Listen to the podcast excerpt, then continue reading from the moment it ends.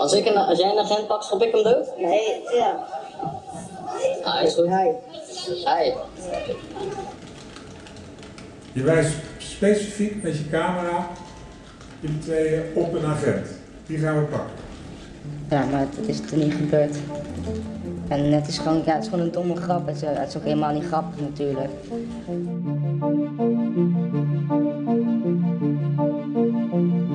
Als je uit een klein dorp komt, ken je het wel. Bij de jaarwisseling ga je een rondje lopen om je buren en de mensen in het dorp een gelukkig nieuwjaar te wensen. Je drinkt nog wat, sommigen gaan naar een feestje, anderen naar bed. Elk jaar hetzelfde. Zo zou het ook kunnen gaan in Schravendeel in 2023. Maar het ging helemaal anders dat jaar. Mijn naam is Emma Thies en je luistert naar De Zaak X. Een podcast van het AD in samenwerking met het podcastkantoor, waarin we wekelijks een spraakmakende rechtszaak bespreken. Met deze week knallend het nieuwe jaar in.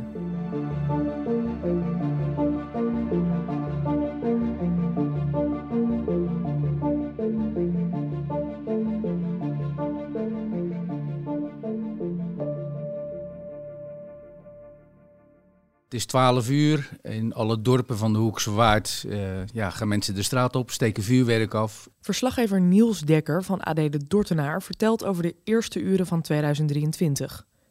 Het begint rustig, maar het zal uiteindelijk leiden tot de zaak van deze week, waarbij vier jonge jongens terechtstaan voor geweld tegen agenten. Het lijkt een goede sfeer. Er zijn twee agenten die surveilleren in het gebied. Het is best een groot gebied en die rijden eigenlijk van dorp, van kern naar kern. Ze beginnen in strijden. Nou, die kijken daar. Niks aan de hand. Alles gemoedelijk. Nou, dan gaan ze naar Heine Noord. Dat is een stukje verderop. Ook niks aan de hand. En ze komen in Schravendeel. Dat is een dorpje met 9000 mensen. Uh, en daar zien ze opeens op een kruispunt, vlakbij de kerk, dat daar een soort houtstapel is gemaakt. Een soort brandstapel. En die staat in de fik. En ze zien bij die brandstapel een aantal mensen die ze herkennen als leden van de harde kern van voetbalclub Feyenoord. Ze zien dat uh, er ook vuurwerk wordt afgestoken in de richting van een veel grotere groep mensen, gewoon burgers, uh, ouders met kinderen, die een stuk verderop bij de kerk staan. En op dat moment denken ze, oh, dit is uh, niet helemaal in de haak, alleen we zijn met z'n tweeën, dus we gaan versterking oproepen. Ja, ze gaan eerst uh, een stukje verderop staan om van een afstandje te observeren. En ze uh, rijden op een gegeven moment uh, wat verder weg. En dan komen ze in een straat en ze kijken voor zich. En ze zien in, de, in het licht van de koplampen op de weg, zien ze opeens voorwerpen op de weg liggen. Ze stappen uit en dan, ja, kan je je voorstellen, dan, dan buk je naar de grond van het asfalt van de weg. Wat is dat? En dan zien ze opeens dat daar zelfgemaakte kraaienpoten liggen. En dan weten ze, oh shit, dit is goed mis. Kraaienpoten zijn puntige stukken ijzer die, als je er overheen rijdt, je banden lek steken. Als de agenten weer omhoog kijken, zien ze de groep jongeren die zojuist nog bij het kruispunt bij de kerk stond, op en afkomen. De agenten beseffen dat ze in een hinderlaag zijn gelokt. Nou, zij zoeken, terwijl er ook vuurwerk hun kant op wordt geschoten of gegooid, zoeken ze beschutting. Uh, maar zij weten, ja, dat gaan we niet uh, redden als we hier blijven staan. Dus zij zien toch kans om terug te komen bij hun auto, bij hun dienstvoertuig. Om daarin te komen en vervolgens uh, ja, moeten ze vluchten, ontsnappen. en op dat moment moeten ze dat doen door achteruit te rijden. Uiteindelijk lukt het wel dus om te keren. en dan, ja, dan vluchten ze en wachten ze tot de versterking komt. Er staat op zo'n avond bij Oud en Nieuw, zeker in de regio Rotterdam, uh, staat er ook altijd ME paraat. Uh, net zo goed als bij riskante voetbalwedstrijden of bij demonstraties. Dan is er ME paraat om in te grijpen waar nodig. Nou, en dat is hier ook heel snel gebeurd. Voor jongens, we hebben versterking nodig. En als zij naar die plek van de rellen toe gaan, zien ze op die weg opeens een, ja, ze hebben het over een boomstam, maar het schijnt een grote olijfboom te zijn van een bedrijf. Wat door de railschoppers op de weg is gegooid om het te blokkeren. Uh, en zij uh, hebben ook te maken met die kraaienpoten die uh, op die weg liggen. en ze kunnen niet doorrijden. Nou, en op dat moment krijgen ze te maken met de groep railschoppers, die op dat moment ook al heel erg is uitgedijd. Dus die groep is, eh, eh, ja, wat begint met 20, dat zijn er tientallen meer geworden. Uh, is een grote groep en de agent, een van de agenten die als eerste uit een busje stapt met collega's, die sprak tijdens de rechtszaak over wat hij op dat moment tegenover zich zag. Op het moment dat wij voorwaarts gingen, liepen wij als groep een hinderlaag in. Voor ons een grote menigte aan mensen. Veelal jonge jongens in zwarte kleding, maar ook een jongen in het wit gekleed. We werden met dermate zwaar vuurwerk bekogeld dat ik voor het eerst in mijn carrière echt angst voelde. Angst dat dit wel eens verkeerd voor mij kon aflopen, ondanks dat ik beschermende kleding droeg. De angst was zo hoog dat ik mij genoodzaakt voelde om de linie te verlaten en ontdekking te zoeken in een nis. De drukgolven van de klappen waren immens. Bommen waren het. Ik zag gekleurde bollen mijn kant op vliegen. We kregen de opdracht van de commandant om door te drukken om de groep te verdrijven die ons onder vuur nam. Met mijn hand op mijn vuurwapen ben ik vooruitgelopen. Ik heb veel verschillende en helaas ook meerdere heftige ME-inzetten meegemaakt. Denk dan aan de koolsingelrellen, avondklokkenrellen, diverse voetbalrellen en demonstraties. Geen enkele ME-inzet heb ik zo heftig ervaren als de ME-inzet is Gravendeel. Hij doorbreekt de linie in die zin, hij stapt eruit. Uh, dus het wordt een rommeltje en dan hebben die raddraaiers hebben hun zin. Oftewel, uh, ja, ze hebben een, een, uh, een, gat gevonden of geslagen eigenlijk in die linie van ME'ers. En hij zegt dat op dat moment die commandant, de leider van de ME, heeft opgeroepen jongens weer formeren en we gaan vooruit. Oftewel, we gaan niet vluchten, maar we gaan hergroeperen, we gaan er tegenin. En deze ME zegt, daar ben ik hem zo dankbaar voor, omdat hij denkt dat ze daardoor relatief zonder kleerscheuren vanaf zijn gekomen. Uiteindelijk uh, heeft de ME kans gezien om die groep onruststokers uh, om die in te sluiten in Schravendeel. Uh, en dat is wel met, ja, dat gaat met in die zin harde hand. Oftewel, iedereen die voorbij komt of voorbij loopt, uh, ja, die riskeert uh, de klap met de, de wapenstok. Want ze sluiten mensen in, zodat ze vervolgens, hè, want er zijn nog veel meer ME-busjes, dat ze die mensen kunnen oppakken en afvoeren. En dat is uiteindelijk gelukt. Er wordt een groep mensen ingebokst door de mobiele eenheid. De ME drijft dan een groep mensen bij elkaar en kijkt wie er aangehouden moeten worden en wie er mogen gaan. De groep is een heel gevarieerd gezelschap. Van ouders die net nog rustig stonden te kletsen tot jongeren. De railschoppers die de agenten belaagd hadden met vuurwerk blijken niet tussen de groep te zitten en worden later aangehouden.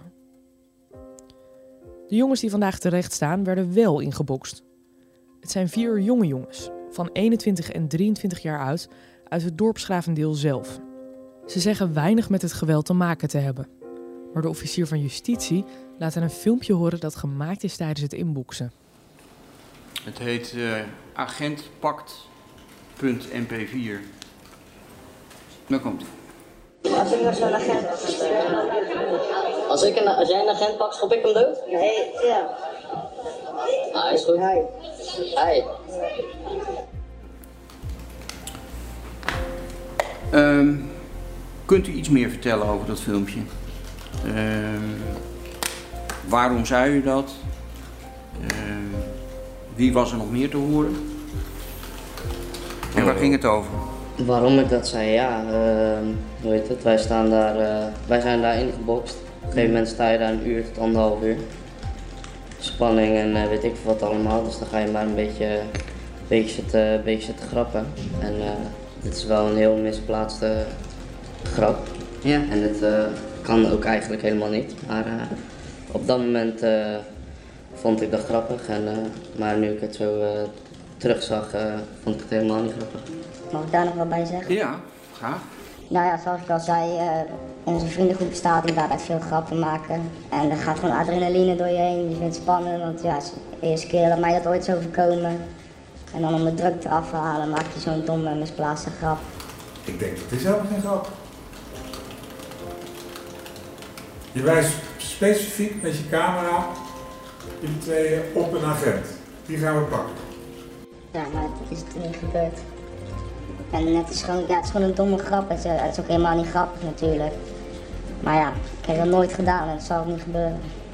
Ik vraag het, want de officier verwijt jullie Ja, dat zie Dat eh, dat jullie eh, daaraan hebben bijgedragen. En dan speelt een van de vragen, heb je het kunnen weten?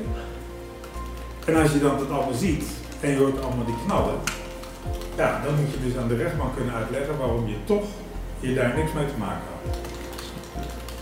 Wat is daarvan de reden dan? Ik was nog in gesprek met iemand en ik had misschien inderdaad eerder weg kunnen gaan, maar ik heb niet bijgedragen aan het geweld tegen de agenten met bijvoorbeeld het vuur- vuurwerk gooien of voorwerp gooien. In, eh, in een reactie heb ik toen inderdaad van zand tegen een schild gegeven, maar dat is het enige.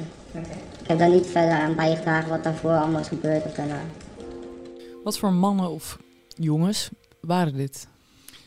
Ja, ik zou wel zeggen ventjes. Ehm, eh, net de puberteit voorbij. En niet dat als je ze ziet dat je denkt, oh dat zijn, zijn boeven.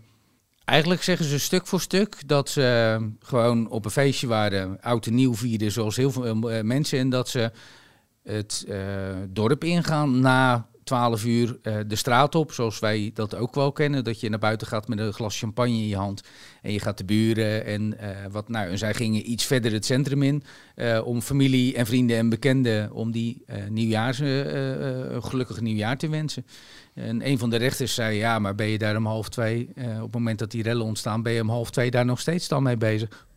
De jongens houden vol hier toevallig in terecht te zijn gekomen.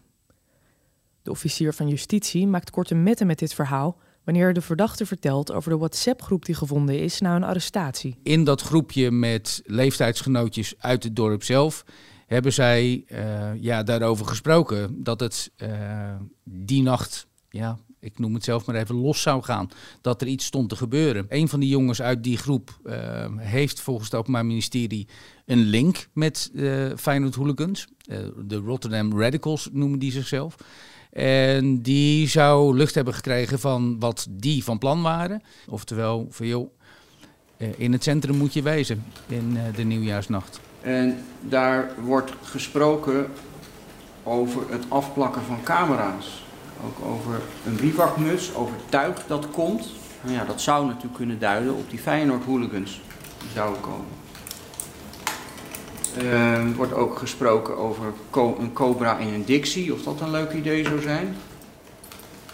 Als je kijkt naar die appgroep, dat geeft dan wel bij het Openbaar Ministerie althans, eh, die hadden dat wel te denken van, eh, ja, je wist dat er bepaalde termen werden gebruikt eh, en eigenlijk een beetje wat er stond te gebeuren. Zij hoorden niet bij die Rotterdam Radicals, hè? Nee, en dat is een groep eh, die door het Openbaar Ministerie heel nadrukkelijk eh telkenmalen werd genoemd. Dat eh, het initiatief, het plannen van deze rellen uit een groep van Rotterdam Feyenoord hooligans kwam. Een deel van de harde kern die aan de noordzijde zit. En die kenmerken ze zich, als je de foto's mag geloven die ze zelf ook publiceren, gemaskerde mannen. En dit is wat agenten verklaren dat ze die avond ook hebben gezien. Dat het eh, jonge mannen waren met hoodies, onherkenbaar omdat ze ook maskers droegen. De Rotterdam Radicals zijn een groep Feyenoord-hooligans die volgens het OM het initiatief hebben genomen voor deze rellen. Een aantal van hen is later aangehouden en zal op een later moment voor de rechter komen. Tegen de jongens uit Schravendeel zet de officier van justitie in de eerste instantie hoog in. De aanvankelijke aanklacht bij alle vier was poging tot doodslag op de agenten omdat ze met zwaar vuurwerk zouden hebben gegooid. Eh, bij de eerste drie verdachten die 's ochtends voor de rechter verschijnen, zwakte de, het Openbaar Ministerie dat al af. Eh, omdat ze zeiden, ja, we kunnen simpelweg niet bewijzen dat ze ook daadwerkelijk met vuurwerk hebben gegooid. Maar volgens het Openbaar Ministerie waren ze wel aanwezig geweest bij die rellen. eh, en verdienden ze daarvoor straf, omdat ze hebben bijgedragen aan de onrust die daar was. En zich dus niet uit de voeten hebben gemaakt, eh, zo had gemoeten. Eh, dat gold voor twee van die drie. Een derde zeiden ze, ja, we kunnen eigenlijk niet meer zeggen dan dat jij een prullenbak kapot hebt gemaakt. Dus dat is het enige wat bij die verdachte overbleef. En toevalligerwijs kon de vierde verdachte alleen maar smiddags, althans zijn advocaat, kon niet ochtends erbij zijn. Dus die werd apart behandeld, die rechtszaak. En die aanklacht was het zwaarst, omdat het Openbaar Ministerie zegt... agenten hebben jou herkend als iemand die vuurwerk heeft gegooid. Je bent daar geweest, je hebt daar gestaan. Hij zei ook, die jongen, eh, ja, ik heb al iets gegooid, maar ja, hij wist niet wat. Uh, en daarvan zegt het Openbaar Ministerie, je hebt zwaar vuurwerk gegooid. Dat is ontploft op 40 meter van die agenten. Daarmee had iemand uh, ja, dodelijk gewond kunnen raken. Oftewel, jij hebt je schuldig gemaakt aan poging tot doodslag.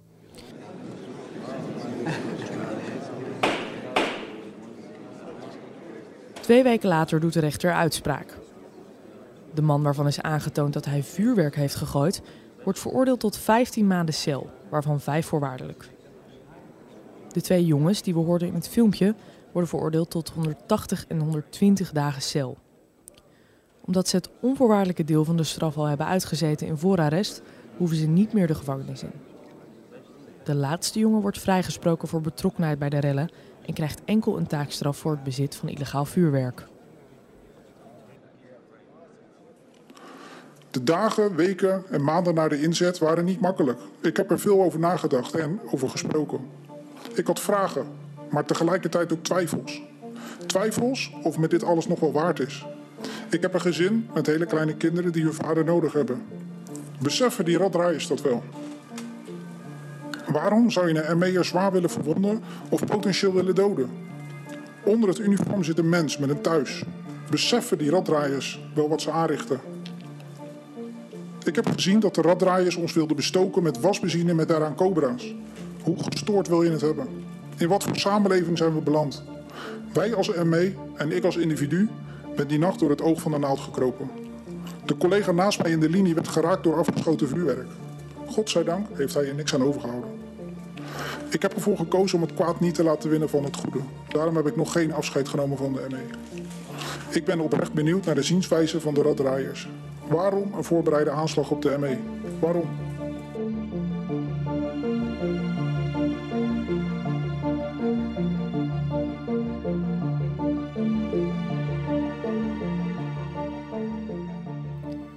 De Zaak X is een wekelijkse podcast van het AD en deze aflevering werd gepresenteerd door mij, Emma Ties. Aan deze podcast hebben meegewerkt David Achter de Molen van het podcastkantoor, Rick Bolt en Joost de Kleuver. Meer artikelen over deze zaak vind je op ad.nl slash dezaakx. Houd onze site ook in de gaten voor de rechtszaken tegen de andere verdachten. Vond je dit een goed verhaal? Laat dan vooral even een review achter, zodat we beter vindbaar worden voor nieuwe luisteraars.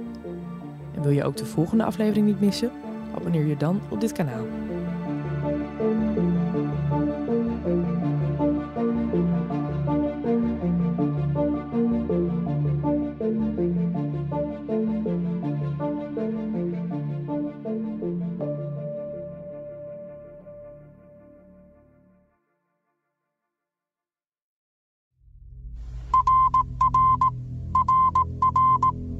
Sveriges statsminister Olof Palme är död. Zweden rouwt na de moord op premier Olaf Palme. In 1986 wordt de Zweedse president Olaf Palme vermoord. En vanaf dat moment is de politie van Stockholm met niets anders meer bezig dan het zoeken van de dader. De aanslag werd gepleegd op de hoek van de Tunnelstraat en de Sveaweg. Maar kort daarna wordt er nog een moord gepleegd. Eentje die door deze massale klopjacht veel minder aandacht krijgt.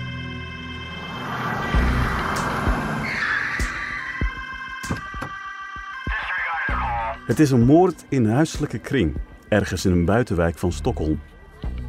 Het slachtoffer is een 30-jarige vrouw. De dader, haar stiefzoon Samir Sabri. En vrijwel gelijk als de politie ter plaatse is, bekent hij haar vermoord te hebben. Maar kort daarna komt Samir terug op zijn bekentenis. Hij is onschuldig, zo zegt hij. Klopt het wat Samir beweert? Is hij echt onschuldig? En als hij de moord niet pleegde, wie dan wel? Je hoort het in De Stiefmoedermoord,